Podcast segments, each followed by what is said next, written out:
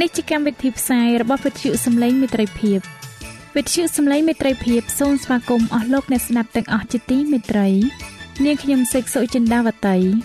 ហើយខ្ញុំបាទអង្គច័ន្ទវិជ្ជៈក៏សូមស្វាគមន៍លោកអ្នកស្ដាប់ទាំងអស់ផងដែរនៅពេលនេះយើងខ្ញុំមានសេចក្តីសុំមនស្សរីករាយដោយបានវិលមកជួបអស់លោកអ្នកនាងកញ្ញាអ្នកស្ដាប់សាជាថ្មីម្ដងទៀត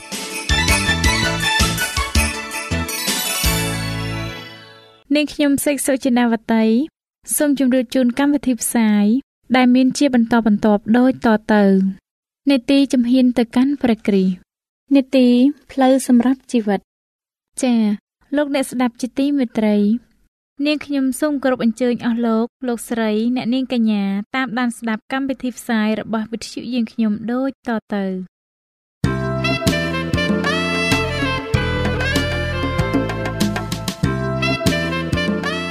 នីតិជំហានទៅកាន់ព្រះគ្រីស្ទ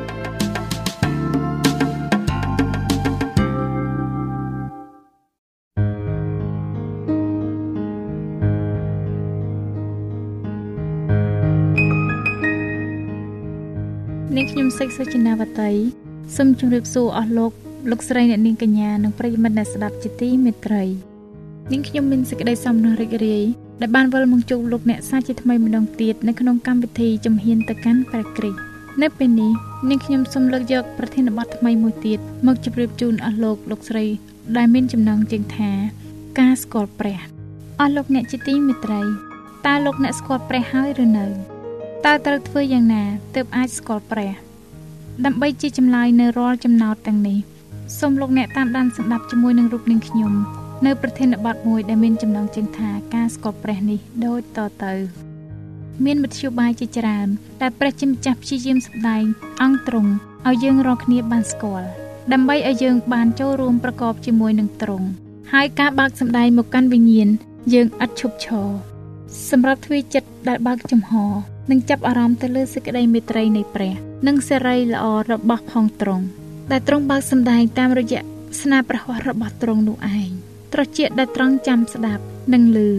ហើយយល់បានអំពីទំនាក់ទំនងនៃព្រះតាមរយៈធម្មជាតិវាលស្រែដ៏ខៀវស្រងាត់វែងឆ្ងាយដាច់កន្ទុយភ្នែកដើមឈើខ្ពស់ខ្ពស់រួមទាំងពន្លកនិងផ្កាទាំងឡាយដែលរិចស្គុះស្គាយ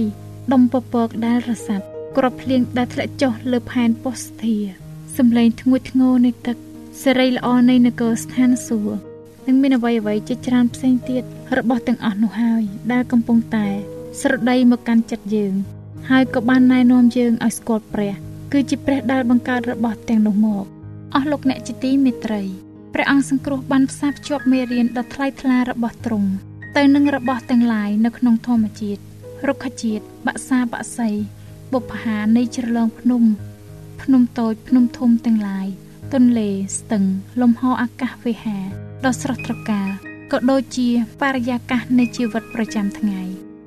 គឺបានភ្ជាប់ទៅនឹងព្រះបន្ទូលនៃសច្ចៈដែលធ្វើឲ្យយើងបានរលឹកនឹកឃើញនៅក្នុងអារម្មណ៍ទោះជានៅពេលដែលមមាញឹកក្នុងការលំបាកនឿយហត់នៃជីវិតយ៉ាងណាក៏ដោយព្រះជាម្ចាស់សពរហរតីចង់ឲ្យរាជរបស់ទ្រង់សរសើរដំកើងពីស្នាប្រហ័សរបស់ទ្រង់ព្រមទាំងមានអំណរនិងសុភណភាពដ៏សាមញ្ញនិងស្ងប់ស្ងាត់ដែលទ្រង់បានលំអនៅលើផែនដីទាំងមូលនេះព្រះអង្គសពរហរតីនិងអ្វីដែលល្អ ហើយលើសពីគ្រឿងតាក់ទាញអារម្មណ៍ខាងក្រៅនេះទៅទៀតទ្រង់សពរហរតីដល់លើសលន់លើសភនភាពនិងអត្តចរិតដែលជាភាពលំអខាងក្នុងនៃមនុស្សចាប់តាំងពីវងតារានិកទាំងឡាយមិនទាន់ដើរមកតាមកន្លងនៅក្នុងលំហអាកាសពីយុគសម័យមួយទៅយុគសម័យមួយរហូតមកដល់កន្លងជាក់លាក់របស់វា រហូតដល់អាតូមដ៏តូចបំផុតដែលបានបង្ហាញថាគ្រប់វត្ថុនៃធម្មជាតិ គោរពតាមព្រះハរតីនៃព្រះដ៏ជាស្ថាបត្យករព្រះអង្គថែរក្សានិងបំពន់របស់សពសារពើដែលទ្រង់បានបង្កើតមកព្រះអង្គជាម្ចាស់ដែលត្រួតត្រងគ្រប់ទាំងពិភពនានាដ៏រាប់មិនអស់នៅលើលោកសន្តិវិសដ៏ធំធេងនេះនៅពេលជាមួយគ្នានេះដែរព្រះទ្រង់ក៏បំពេញសេចក្តីត្រូវការកូនបក្សីដ៏តូចមួយដែលច្រៀងចម្រៀងដ៏ពីរោះដោយគ្មានសេចក្តីភ័យខ្លាចឡើយ។ នៅពេលដែលមនុស្សចេញទៅបំពេញភារកិច្ចប្រចាំថ្ងៃនៅពេលដែលគេកំពុងតែអធិដ្ឋាន ពេលចូលដំណេកនៅពេលរាត្រី ពេលភ្ញាក់ពីព្រលឹមពេលដែលអ្នកមានគេបរិភោគហូហៀនៅក្នុងវាមានរបស់គេ ឬក៏នៅពេលដែលអ្នកទុរគតប្រមូលកូនចៅរបស់ខ្លួនមកបរិភោគអាហារដែលមានបន្តិចបន្តួច នោះព្រះនៃនគរស្ថានសួគ៌ទ្រង់បានតតឃើញ គ្រប់សកម្មភាពទាំងនោះដោយប្រហារតីមេត្រីដ៏ស្រទន់គ្មានដំណក់ទឹកភ្នែកណាដែលស្រក់ចុះដោយព្រះជាម្ចាស់មិនបានកត់សម្គាល់នោះឡើយអស់លោកអ្នកជាទីមេត្រី ប្រសិនបើយើងបានជ្រាបហើយជឿជាក់នៅការនេះនោះយើងនឹងបំភ្លេចចោលនៅការអន្តេសាមុនពេលដល់កំណត់ចេញជីវិតយើងឥឡូវនេះក៏មិនផ្ទុកដោយការខកចិត្តដែរព្រោះគ្រប់អ្វីៗទាំងអស់ទោះតូចក្តីធំក្តីបានថ្វាយដាច់ដាក់ក្នុងព្រះហស្ថទ្រង់ ហើយក៏មិនមានការស្ទាក់ស្ទើរចំពោះការងារដ៏ច្រើនឥតកណនាឬដ៏ស្លុតចំពោះទម្ងន់នៃការងារនោះឡើយពេលនេះយើងគួរតែអរសប្បាយចំពោះការសម្រាកខាងព្រលឹងវិញ្ញាណតែមានមនុស្សជាច្រើនមិនទាន់បានទទួល ហើយសេចក្តីនេះបែរជារឿងចម្លែកចំពោះពួកគេទៅវិញ ក្នុងខណៈដែលវិញ្ញាណរបស់លោកអ្នកត្រេកត្រអាលនឹងផែនដីដ៏ជាប់ចិត្តនេះសូមលោកអ្នកពិចារណាដល់ពិភព ដែលនឹងមកដល់ជាពិភពដែលមិនយល់ហើយមិនស្គាល់អំពើបាបរីឯសេចក្តីស្លាប់និងបណ្ដាសាក៏មិនមានទៀតផងអស់លោកអ្នកជាទីមេត្រីសូមឲ្យលោកអ្នកបានពិចារណាក្នុងអារម្មណ៍ឲ្យចេញជារូបភាពនិងឃើញនៅទស្សនវិជ្ជានៃលំនៅស្ថានរបស់ពួកគេ ដែលបានទទួលសេចក្តីសង្គ្រោះហើយសូមឲ្យនឹកចាំថាធាតពិតនៃពិភពនោះនឹងប្រកបទៅដោយភាពរុងរឿងលើសជាងការស្រមៃគិតរបស់លោកអ្នកទៅទៀត នៅក្នុងបណ្ដាអំណោយទានផងទាំងឡាយដែលព្រះជាម្ចាស់បានប្រទានមកឲ្យមនុស្សគ្រប់គ្នានៅក្នុងធម្មជាតិយើងបានឃើញពន្លឺដ៏ចាំងចែងនៃសេរីល្អរបស់ព្រះជាម្ចាស់បានយ៉ាងស្រួយស្ដាងជាទីបំផុតនៅក្នុងព្រះគម្ពីរកូរិនថូសទី1ចំពុក2ខ9បានចែងថាសេចក្តីដែលភ្នែកមិនដែលបានឃើញត្រចៀកមិនដែលបានឮនិងចិត្តមិនដែលនឹកដល់គឺសេចក្តីនោះឯងដែលព្រះបានរៀបចំទុកសម្រាប់ពួកអ្នកដែលស្រឡាញ់ទ្រង់ អស់លោកអ្នកជាទីមេត្រី ពួកកវីនិងធម្មជាតិវិទូ បានបរិយាយយ៉ាងច្រើនអំពីធម្មជាតិក៏ប៉ុន្តែមានតែអ្នកគ្រីស្ទៀនទេ ដែលមានអំណររីករាយចំពោះសភនភាពនៃផែនដីដោយការដឹងគុណដ៏ក្រៃលែងចំពោះព្រះជាម្ចាស់ពីព្រោះគេបានទទួលនៅស្នាប្រហ័សរបស់ព្រះជាម្ចាស់និងឃើញនៅសេចក្តីស្រឡាញ់របស់ទ្រង់តាមរយៈបុប្ផាព្រៃព្រឹក្សានិងរុក្ខជាតិផងទាំងឡាយ គ្មានកវីនិពន្ធណាម្នាក់នៅលើលោកយ៉ាងនេះអាចសម្ដែងថ្លែងពីអំណរសរសើរឲ្យបានពេញលេញពីសារៈសំខាន់នៃភ្នំទាំងឡាយជ្រោះជ្រងជ្រលងដងអូទន្លេបឹងបួរនិងសមុទ្រនោះឡើយតើមកពីអ្វីពីព្រោះតែគេមិនបានយល់ហើយក៏មិនបានដឹងថា របស់អស់ទាំងនោះ គឺជាការសម្ដែងនៃសេចក្តីស្រឡាញ់របស់ព្រះជាម្ចាស់ចំពោះមនុស្សលោកនោះទេ ជនេះខ្ញុំសិក្សាចិន្តាវតីមានសេចក្តីសោមនស្សរីករាយវិលមកជួបលោកអ្នកសាជាថ្មីម្ដងទៀតនៅក្នុងកម្មវិធីជំហានទៅកាន់ព្រះគ្រីស្ទហើយនៅពេលនេះដែរនាងខ្ញុំសូមលើកយកវគ្គបន្តនៃប្រធានបទមុន ដែលមានចំណងជើងថាការស្គាល់ព្រះមកជម្រាបជូនដូច្នេះសូមលោកអ្នកតាមដានស្ដាប់ជាមួយនឹងនាងខ្ញុំដូចតទៅអស់លោកអ្នកជាទីមេត្រី ព្រះជាម្ចាស់បានមានបន្ទូលមកកាន់យើងតាមរយៈកិច្ចការដែលទ្រង់បានប្រមាលមើលដោយឆ្វេងយល់ជាមុននិងតាមរយៈអធិពលនៃព្រះវិញ្ញាណបរិសុទ្ធរបស់ទ្រង់មកលើចិត្តយើងនៅក្នុងកលតិសៈនិងបរិយាកាសរបស់យើងនៅក្នុងការផ្លាស់ប្ដូរជារៀងរាល់ថ្ងៃដែលកើតមានឡើងនៅជំនួយយើង ហើយអាចរកឃើញនៅមេរៀនដ៏មានតម្លៃប្រសិនបើចិត្តរបស់យើងបើកចំហ ហើយទទួលយកមេរៀនទាំងនោះ ពួកអ្នកលើកទំនុកដង្កើងព្រះ ដែលបានតាមដានការងារដែលទ្រង់បានប្រទានដល់មនុស្សបានពោលនៅក្នុងព្រះគម្ពីរទំនុកដង្កើងចំពុក33ខ5ថាផែនដីមានពោពេញទៅដោយសេចក្តីសប្បុរសនៃព្រះយេហូវ៉ារីឯនៅបទគម្ពីរទំនុកដង្កើងចំពុក107ខ43ក៏បានសម្ដែងថាបើអ្នកណាមានប្រាជ្ញានោះនឹងរក្សាទុកនៅសេចក្តីទាំងនោះហើយនឹងពិចារណាពីសេចក្តីសប្បុរសរបស់ព្រះយេហូវ៉ា អស់លោកអ្នកជាទីមេត្រី នៅត្រង់ចំណុចនេះនាងខ្ញុំសូមលើកទឹកចិត្តដល់លោកអ្នកទាំងអស់គ្នា គឺសូមឲ្យលោកអ្នកបានបើកចិត្តដើម្បីស្វែងយល់អំពីធម្មជាតិនិងអ្វីៗដែលនៅជុំវិញលោកអ្នកហើយព្រមទាំងសិក្សាព្រះបន្ទូលបរិសុទ្ធរបស់ផងព្រះនោះលោកអ្នកនឹងបានស្ដាប់នៅព្រះសូរសៀងហើយដែលនឹងអាចនាំលោកអ្នកបានឈានទៅរកការស្គាល់ដល់ទ្រង់ថែមទៀតផង ដែលទ្រង់នោះហើយគឺជាព្រះអង្គសង្គ្រោះដ៏ពិត ព្រះជាម្ចាស់មានបន្ទូលទៅកាន់យើងដោយព្រះបន្ទូលរបស់ទ្រង់ពេលនោះយើងបានយល់កាន់តែច្បាស់ឡើងថែមទៀតនៅការបើកសម្ដែងអំពីលក្ខណៈសម្បត្តិរបស់ទ្រង់អំពីទំនាក់ទំនងរបស់ទ្រង់ជាមួយមនុស្សនិងការងារដ៏អស្ចារ្យនៅក្នុងការប្រោះលោះយើងរាល់គ្នាពីបាបតាមប្រវត្តិសាស្ត្របានបង្ហាញអំពីពួកចាស់ព្រឹទ្ធាចារ្យពួកហារ៉ានិងពួកបរិសុទ្ធពីសម័យបុរាណបានបើកចំហនិងសម្ដែងយ៉ាងច្បាស់នៅមុខយើង ពួកគេទាំងនោះជាមនុស្សដែលមានអារម្មណ៍ចិត្តគំនិតដូចជាយើងរាល់គ្នាដែរដែលបានសម្ដែងនៅក្នុងព្រះគម្ពីរយ៉ាកុបចំពុក5ខ17អស់លោកអ្នកជាទីមេត្រីតើពួកគេមានការតស៊ូយ៉ាងណាខ្លះនៅក្នុងពេលដែលបាក់ទឹកចិត្តដោយដែលយើងធ្លាប់មាននៅក្នុងជីវិតយើងនោះយើងក៏ឃើញដែរនៅពេលដែលពួកគេធ្លាក់ចុះនៅក្នុងសេចក្តីល្បួងដូចជាយើងបានឆ្លងកាត់មកហើយប៉ុន្តែ ពួកគេបានតាំងចិត្តឡើងវិញ ហើយក៏ដណ្ដើមយកជ័យជំនះតាមរយៈព្រះគុណនៃព្រះជាម្ចាស់នោះឯងដោយសម្លឹងមើលទៅអ្នកទាំងនោះ យើងក៏បានពង្រឹងសេចក្តីក្លាហាននិងការខិតខំប្រឹងប្រែងរកសេចក្តីសុចរិតរបស់យើងដូច្នេះនៅពេលដែលយើងបានសិក្សាពីបទពិសោធន៍ដ៏មានតម្លៃរបស់ពួកគេ អំពីពន្លឺនិងសេចក្តីស្រឡាញ់និងប្រពរដែលគេបានទទួលដោយសេចក្តីអំណររីករាយ ហើយនឹងអំពីការងារដែលគេបានធ្វើឲ្យបានជារូបរាងឡើងតាមរយៈព្រះគុណដែលផ្ដល់ដល់គេ នោះព្រះវិញ្ញាណដែលបណ្ដាចិត្តគេ និងបណ្ដាចិត្តគេឲ្យប្រៀបដូចជាភ្លើងដែលឆេះឡើងយ៉ាងសន្ធោសន្ធៅនៅក្នុងចិត្តហើយធ្វើឲ្យមានចំណងចង់ត្រាប់តាម ភាពបរិសុទ្ធនិងអត្តចរិតរបស់ព្រះដូចជាពួកសាវកដែលដើរជាមួយនឹងទ្រង់ដូចនេះដែរ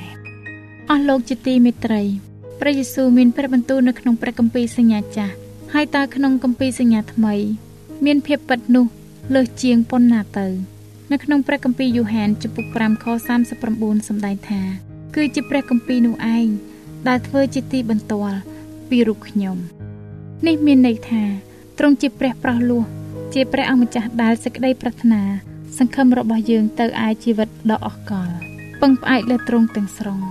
ជាការពិតណាស់ ដែលព្រះគម្ពីរទាំងមូលបានរៀបរាប់ប្រាប់យើងអំពីព្រះគ្រីស្ទជាម្ចាស់គឺចាប់តាំងពីប្រវត្តិដំបូងនៃការបង្កបង្កើតលោកីពីព្រោះគម្ពីរយូហានជំពូក1ខ3បានចែងថាគ្មានអ្វីណាមួយកើតមកក្រៅពីទ្រង់ឡើយរហូតមកដល់សេចក្តីសន្យាចុងក្រោយបង្អស់យើងបានអានអំពីការងាររបស់ទ្រង់និងស្ដាប់នៅព្រះបន្ទូលនៅក្នុងព្រះគម្ពីរវិវរណៈចំពុក22ខ12ដែលបានសម្ដែងថាមើលអញនឹងមកជាឆាប់ អស់លោកអ្នកទីមេត្រីប្រសិនបើលោកអ្នកចង់ស្គាល់ព្រះអង្គសង្គ្រោះនោះសូមសិក្សាព្រះគម្ពីរបរិសុទ្ធរបស់ទ្រង់ហើយសូមឲ្យលោកអ្នកបើកចំហចិត្តរបស់លោកអ្នកចុះសូមបំពេញចិត្តរបស់លោកអ្នកដោយនៅព្រះបន្ទូលរបស់ព្រះជាម្ចាស់ព្រះបន្ទូលរបស់ទ្រង់គឺជាទឹកដ៏រស់ដែលអាចបំបត្តិនៅការស្រេកឃ្លានដ៏ក្រហល់ក្រហាយរបស់លោកអ្នកបានព្រះបន្ទូលរបស់ទ្រង់គឺជានំប៉័ងជីវិតមកពីសួគ៌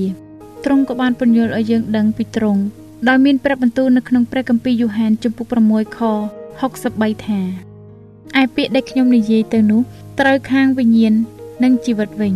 នៅពេលដែលយើងសម្លឹងមើលទៅ ហើយយកចិត្តទុកដាក់នៅអត្ថន័យនៃសុគាសេចក្តីជំនឿនិងសេចក្តីស្រឡាញ់របស់យើងនឹងរីកចម្រើនមាំឡើង ហើយការអធិដ្ឋានរបស់យើងនឹងបានជាទីគប់ព្រះハរតីរបស់ទ្រង់កាន់តែខ្លាំងឡើងខ្លាំងឡើងដែរពីព្រោះការអធិដ្ឋានទាំងនោះ ពោពេញដោយសេចក្តីជំនឿសេចក្តីស្រឡាញ់និងការអធិដ្ឋាននោះកាន់តែឆ្លៀសវៃនិងប្រកបដោយចិត្តឃ្លាវខ្លាថែមទៀតផងយ៉ាងនោះយើងនឹងមានសេចក្តីទំនុកចិត្តស្ថិតស្ថេរនៅលើព្រះយេស៊ូវហើយការរស់នៅប្រចាំថ្ងៃដោយអំណាចរបស់ទ្រង់ដើម្បីជួយសង្គ្រោះដល់អ្នកដែលវិលមករកឯព្រះយេហូវ៉ាតាមរយៈទ្រង់ផង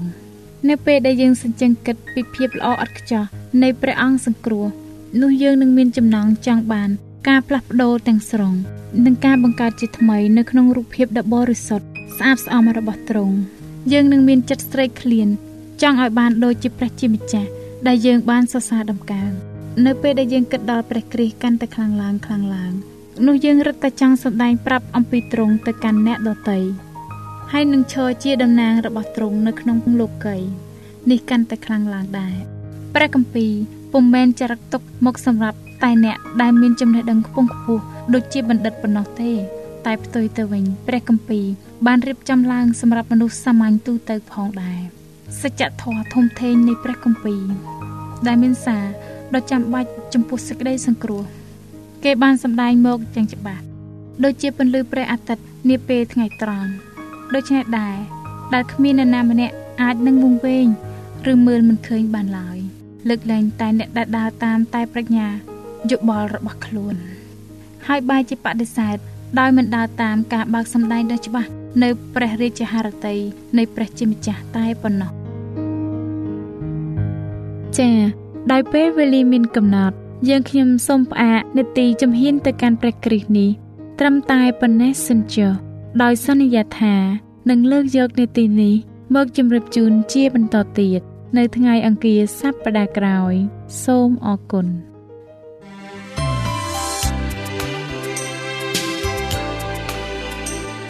វិទ្យុសំឡេងមេត្រីភាព AWR ជាវិទ្យុដែលនាំមកពីក្នុងការនាំព្រះរាជសាររបស់ព្រះជាម្ចាស់សម្រាប់លោកអ្នក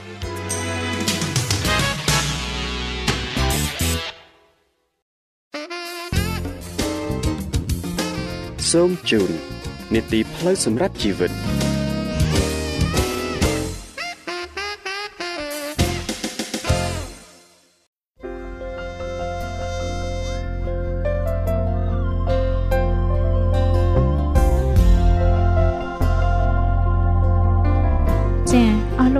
ជាទីមេត្រី ជាបន្តទៅទៀតនេះនាងខ្ញុំសូមអញ្ជើញលោកអ្នកនាង តាមដានស្ដាប់នេតិផ្លូវសម្រាប់ជីវិត កាលពីមេរៀនទី22លោកអ្នកបានស្ដាប់រួចមកហើយអំពីតើមានអ្វីកាត់ឡើងក្រោយពីពេលដែលមនុស្សយើងបានស្លាប់ទៅហើយនៅថ្ងៃនេះលោកអ្នកនឹងបានស្ដាប់មេរៀនថ្មីមួយទៀតដែលមានចំណងជើងថាព្រះវិញ្ញាណបរិសុទ្ធនិងអំពើបាបដែលព្រះពុំអាចអត់ឱនឲ្យបាន។ ព្រះយេស៊ូវបានមានព្រះបន្ទូលនៅក្នុងព្រះគម្ពីរយ៉ូហានទី1ចំពុកទី1ខ9ថាបើយើងលន់តួបាបវិញនោះទ្រង់មានប្រតិយស្មោះត្រង់ហើយសុចរិតប្រយោជន៍នឹងអត់ទោសបាបឲ្យយើង ហើយនឹងសម្អាតយើង ពីគ្រប់អំពើទុច្ចរិតទាំងអស់ផង តាមរយៈខនេះរាល់អំពើបាប ដែលមនុស្សលោកបានប្រព្រឹត្តព្រះទ្រង់មានព្រះハរតីស្មោះត្រង់ហើយសុចរិតនឹងអត់ទោសឲ្យយើងបាន ចុះតើអំពើបាបប្រភេទណា ដែលព្រះមិនអាចអត់ទោសឲ្យបាន ចា៎ដើម្បីឲ្យអស់លោកអ្នកនាង បានយល់កាន់តែច្បាស់ថាតើអំពើបាបប្រភេទណា ដែលព្រះមិនអាចអត់ទោសឲ្យបាន នាងខ្ញុំសូមគោរពអញ្ជើញអស់លោកអ្នកនាងតាមដានស្ដាប់មេរៀនទី23ភាគទី2ដែលនឹងជម្រាបជូនដល់លោកអង្ចាន់វិជ្ជៈដូចតទៅ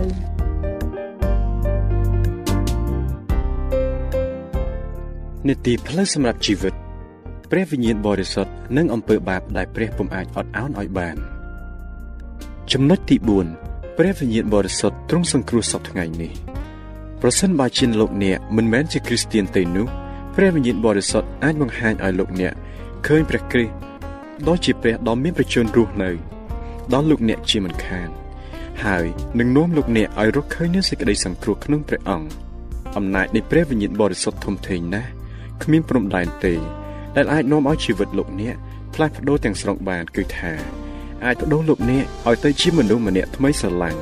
ដូចជាសាវកពលបាននិយាយក្នុងព្រះគម្ពីរកូរិនថូសទី2ចំពុក5ខ17ថាបើអ្នកជារបស់ព្រះគ្រីស្ទនោះឈ្មោះថាបានកើតជាថ្មីហើយអស់ទាំងសេចក្តីចាស់ក៏កន្លងបាត់ទៅ មនុស្សគ្រប់ទាំងអស់បានត្រឡប់ជាថ្មីវិញ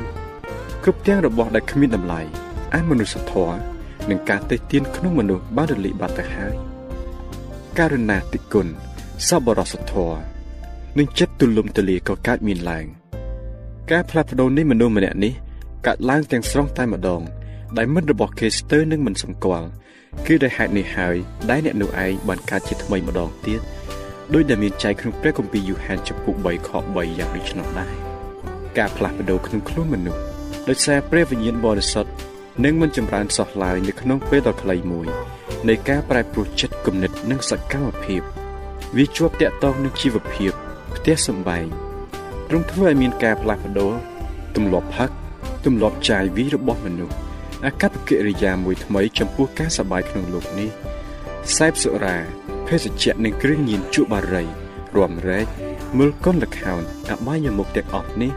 ធ្វើឲ្យបាត់បង់នូវកិត្តិយសសម្រស់របស់ខ្លួនកាន់តែជ្រៅទៅជ្រៅទៅ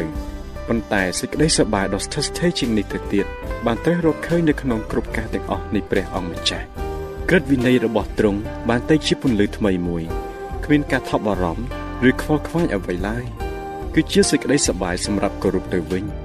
ដូចជាក្រឹតវិន័យទី4ដែលចែងពីថ្ងៃជប់សម្រាប់នោះគឺមិនមែនជាថ្ងៃដែលរំខានដល់មនុស្សនោះទេប៉ុន្តែជាថ្ងៃពោពេញទៅដោយសេចក្តីសប្បាយដែលជាឱកាសសម្រាប់ចោះស្ពានមេត្រីជាមួយនឹងព្រះវិញ ពេលម៉ោងបរិសុទ្ធដែលកើតឡើងហើយកើតឡើងទៀតពីមួយសប្តាហ៍ទៅមួយសប្តាហ៍ដល់មនុស្សដែលប្រែចិត្តប្រៀបដូចជាកោះនៃសេចក្តីសុខសាន្តដែលស្ថិតនៅកណ្ដាលព្យុះបក់បោកនៃជីវិត ជាកន្លែងដែលបានទទួលគ្រប់ទាំងវិញ្ញាណបំពេញវិញ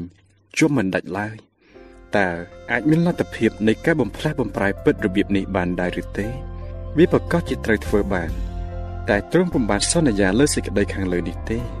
អ្នកអាចនឹងឃើញច្បាស់ថា ទ្រង់នឹងអាចធ្វើឲ្យអ្នកទៅជាមនុស្សថ្មី ប្រសិនបើជាអ្នកបើកចិត្តចំហហើយប្រាថ្នាចង់ឲ្យទ្រង់ធ្វើឲ្យអ្នកខ្លាយទៅជាមនុស្សថ្មី ចំណុចទី5តើព្រះវិញ្ញាណបរិសុទ្ធសង្គ្រោះយើងដោយរបៀបណាព្រះអម្ចាស់ទ្រង់បានមានបន្ទូលតាមព្រះគម្ពីរអេពីសូតជំពូក3ខ14ដល់ខ17ថាដោយសារសេរីល្អក្រៃលែងរបស់ទ្រង់នេះដែលព្រះអង្គបានប្រទានដល់អ្នករាល់គ្នាឲ្យមានកម្លាំងប្រកបដោយមេត្តា តាមរយៈព្រះវិញ្ញាណបរិសុទ្ធក្នុងខ្លួនមនុស្សហើយឲ្យព្រះគ្រីស្ទសន្ធិដ្ឋក្នុងចិត្តអ្នករាល់គ្នាដោយសារសេចក្តីជំនឿតទៅនេះគឺជាអត្ថន័យនៃសេចក្តីសង្គ្រោះដែលព្រះគ្រីស្ទសន្ធិដ្ឋនៅក្នុងចិត្តអ្នករាល់គ្នាមនុស្សម្នាក់ត្រូវបានសង្គ្រោះដោយសារព្រះគ្រីស្ទមកសន្ធិដ្ឋនៅក្នុងខ្លួនយើងដោយព្រះវិញ្ញាណបរិសុទ្ធទ្រង់ស្ថិតនៅក្នុងខ្លួនមនុស្សម្នាក់នោះគឺជាសេចក្តីសន្យាដ៏អស្ចារ្យណាស់តែមែនទេព្រះបានបង្កើតផ្ទៃមេឃនិងផែនដី គឺជាព្រះដែលលះបង់ជីវិតរបស់ទ្រង់លើឈើឆ្កាងគឺជាព្រះរស់ដែលឈ្នះលើអំពើបាបនិងសេចក្តីស្លាប់ហើយដែលស្ថិតនៅក្នុងចិត្តយើងរាល់គ្នាតាមរយៈព្រះវិញ្ញាណបរិសុទ្ធនេះជាសេចក្តីសង្ខេបត្រួសត្រាសនៃបទគម្ពីរដែលស្ដីអំពីព្រះវិញ្ញាណបរិសុទ្ធសង្គ្រោះមនុស្សយើងចំណុចទី5កព្រះវិញ្ញាណបរិសុទ្ធបានជួយឲ្យមនុស្សមើលឃើញថាខ្លួនបានធ្វើខុសដោយអំពើបាបហើយពេលជាមួយគ្នានោះមិនចេតនារស់នៅដោយត្រឹមត្រូវវិញ ព្រះគម្ពីរយូហានជំពូក16ខ8បានសម្ដែងប្រាប់យើងយ៉ាងច្បាស់ថាកាលណាទ្រង់យាងមកហើយទ្រង់នឹងសម្ដែងឲ្យដឹងច្បាស់អំពីអំពើបាបពីសេចក្តីសុចរិតហើយពីសេចក្តីជំនុំជម្រះដូច្នេះគឺព្រះវិញ្ញាណបរិសុទ្ធនេះហើយដែលប្រាប់ដល់អ្នករាល់គ្នាអំពីសេចក្តីល្អនិងសេចក្តីអាក្រក់ចំណុចទី5ខព្រះវិញ្ញាណបរិសុទ្ធទ្រង់ដាស់មនុស្សពីអំពើបាបនិងទុក្ខវេទនាហើយទ្រង់មានបំណងអត់ទោសបាបដល់មនុស្ស ពេលដែលមនុស្សប្រព្រឹត្តតាមព្រះវិញ្ញាណដែលដាំជាប់ក្នុងចិត្តនេះហៅថាកែប្រែចិត្តដែលជាអំណោយរបស់ទ្រង់ចំណុចទី5កព្រះវិញ្ញាណបរិសុទ្ធទ្រង់ជាភ្នាក់ងារដែលចាំផ្ដល់ឲ្យមនុស្សនៅការផ្លាស់ប្ដូរនៃជីវភាពដូចបានពណ៌នាខាងលើថាការជាថ្មីម្ដងទៀតព្រះយេស៊ូវទ្រង់មានបន្ទូលរៀបរាប់ពីសកម្មភាពនៃព្រះវិញ្ញាណបរិសុទ្ធដោយដែលមានចែកទុកក្នុងព្រះគម្ពីរយូហានចំពុក3ខ5ថា បើមិនបានកើតពីព្រះវិញ្ញាណនោះគ្មានអ្នកណានឹងចូលទៅនគរព្រះបានទេដូច្នេះហើយព្រះវិញ្ញាណបរិសុទ្ធដែលជាតំណាងព្រះគ្រីស្ទនៅលើផែនដីទ្រង់ជាអ្នកនាំដំណឹងល្អទៅឯចិត្តរបស់អ្នកមានបាបហើយបានឈ្នះចិត្តអ្នកទាំងនោះនឹងនាំគេទៅឯទ្រង់ដែលជាព្រះអង្គសង្គ្រោះទ្រង់ជាអ្នករៀបចំជួយចំពោះសេចក្តីសង្គ្រោះនៃព្រះលឹងយើងហើយគឺជាជីវិតថ្មីមួយដែលស័ក្តិសមនឹងអ្នកតាមរយៈសកម្មភាពរបស់ព្រះវិញ្ញាណបរិសុទ្ធ អ្នកមិនអាចយល់ដល់ជំរឿនអាចកំបាំងនេះអស់ទេព្រះអង្គទ្រង់មិនចាំបាច់ឲ្យអ្នកដឹងដល់កម្រិតនេះឡើយប៉ុន្តែទ្រង់គ្រាន់តែឲ្យអ្នកជឿនៅសេចក្តីសន្យារបស់ទ្រង់ហើយយល់ព្រមទទួលយកព្រះយេស៊ូវតាមព្រះវិញ្ញាណបរិសុទ្ធបើលោកអ្នកព្រមទទួលហើយនោះសេចក្តីបំផ្លាស់បំប្រែនឹងចាប់ផ្ដើមពីឥឡូវនេះទៅហើយពេលនោះទ្រង់អាចធ្វើឲ្យអ្នកទៅជាមនុស្សថ្មីមួយដោយតែព្រះគម្ពីរលោកុបាទចំពុក1ខ27 បានចែងប្រាប់យើងថាការបង្កើតជាថ្មី ដែលទ្រង់បង្កើតដោយរូបអង្គទ្រង់ពលគឺដូចជាអាដាមមាននារីម្នាក់ឈ្មោះអាសូបានមើលឃើញកំហុសរបស់នាងដោយសារព្រះវិញ្ញាណបរិសុទ្ធហុំព័ទ្ធចិត្តនាងឲ្យនៅជាមួយនឹងព្រះយេស៊ូវប៉ុន្តែនាងពុំបានមានចិត្តចង់ខកខាន ទៅចូលរួមពិធីជប់លៀងជាចុងក្រោយមួយនេះឡើយសម្រាប់ចិត្តនាងគឺដង្ហើយហៅព្រះយេស៊ូវគ្រីស្ទប៉ុន្តែអរិយសាតាំងបានលបងនាងរួមក្នុងពិធីនេះ ម្ដាយនាងបានបង្ខំឲ្យនាងសម្រេចចិត្តធ្វើឲ្យបានត្រឹមត្រូវនាងអាសូអោបម្ដាយនាងហើយនិយាយថាម៉ែនិយាយត្រូវណាស់កូនសូមសន្យាថានេះជាការរួមរែកចុងក្រោយរបស់ខ្ញុំហើយស្អែកនេះខ្ញុំសម្រេចចិត្តជាចុងក្រោយហើយរួចមកនាងអាសូរបាននិយាយដូច្នេះមែនប៉ុន្តែស្អែកនោះពុំមានមកសោះនាងបានត្រឡប់មកផ្ទះវិញជាមួយមនុស្សមួយក្រុមដែលគ្មានចេះគិតគូរប្រុងប្រយ័ត្នអ្វីទាំងអស់ព្រមទាំងស្រវឹងផង អ្នកបើកបរពុំបានកត់សម្គាល់ អំពីរទេះភ្លើងដែលកំពុងបើកមកពីមុខខ្លួនឲ្យត្រឹមត្រូវនោះទេដូច្នេះនាងក៏មិនបានមកដល់ផ្ទះទាល់តែសោះព្រះអង្គម្ចាស់បានប្រាប់យើងថាចេតនានៃការរំចាំថ្ងៃស្អែកនេះហើយដែលជាផ្លូវទៅកាន់ស្ថាននរកទ្រង់ដងហើយហៅយើងថាអោសម្លាញ់អើយចូលសិក្សាសេចក្តីពិតនៃព្រះបន្ទូលទៅហើយជ្រើសយកជីវិតដ៏អស្ចារ្យជាមួយខ្ញុំចាស់តែអ្នកនឹងមិនធ្វើឥឡូវនេះទេឬអីបើមិនទាន់បានសម្រេចចិត្ត ត្រូវរៀបចំខ្លួនពីពេលនេះតទៅ ចំណុចទី6តើព្រះវិញ្ញាណបរិសុទ្ធបានធ្វើអ្វីខ្លះចំពោះអ្នកគ្រីស្ទៀនព្រះវិញ្ញាណបរិសុទ្ធមិនត្រឹមតែនាំយើងឲ្យទៅឯព្រះគ្រីស្ទប៉ុណ្ណោះទេទ្រង់បានរក្សាឲ្យយើងនៅជាប់ជាមួយព្រះគ្រីស្ទដែរយើងអាចនិយាយមួយយ៉ាងទៀតថាព្រះវិញ្ញាណបរិសុទ្ធមិនគ្រាន់តែនាំព្រះគ្រីស្ទចូលទៅក្នុងចិត្តយើងប៉ុណ្ណោះទេប៉ុន្តែតាមរយៈទ្រង់ព្រះគ្រីស្ទបន្តការសន្ធិដ្ឋនៅទីនោះដែរជីវិតឲ្យចោះចូលនឹងព្រះ ហើយស្ថិតនៅក្រោមការត្រួតត្រាពិនិត្យនៃព្រះវិញ្ញាណបរិសុទ្ធដែលមានអំណាចធំធេងអស្ចារ្យវិញ្ញាណបរិសុទ្ធអាចធ្វើឲ្យអ្នកចម្រើនឡើងបន្តិចម្ដងបន្តិចម្ដងនៅអំណាចធម្មជាតិដែលឲ្យយើងបំពេញការណាមួយបានសម្រេចយ៉ាងខ្ពស់បំផុតទ្រង់បានឲ្យលោកអ្នករស់នៅយ៉ាងសបោសបាយហើយធ្វើឲ្យទីបន្ទាល់របស់លោកអ្នកចំពោះព្រះ មានប្រសិទ្ធភាពផង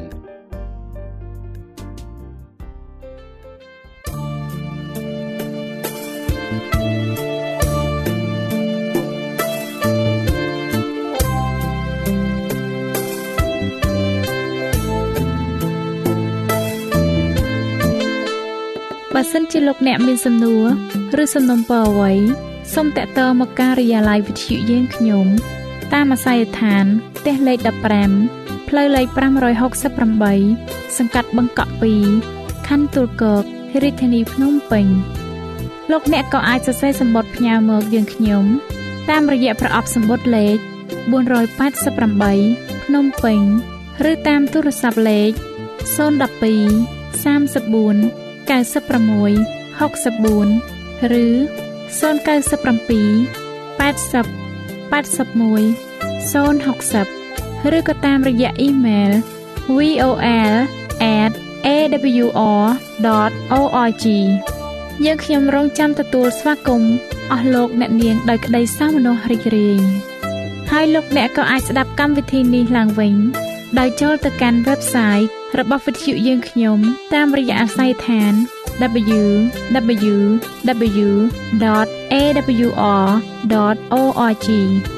លោកអ្នកនាងកញ្ញាជាទីមេត្រី កម្មវិធីផ្សាយរបស់វិទ្យុសំឡេងមេត្រីភាពនៅពេលនេះសូមបញ្ចប់តែប៉ុណ្ណេះ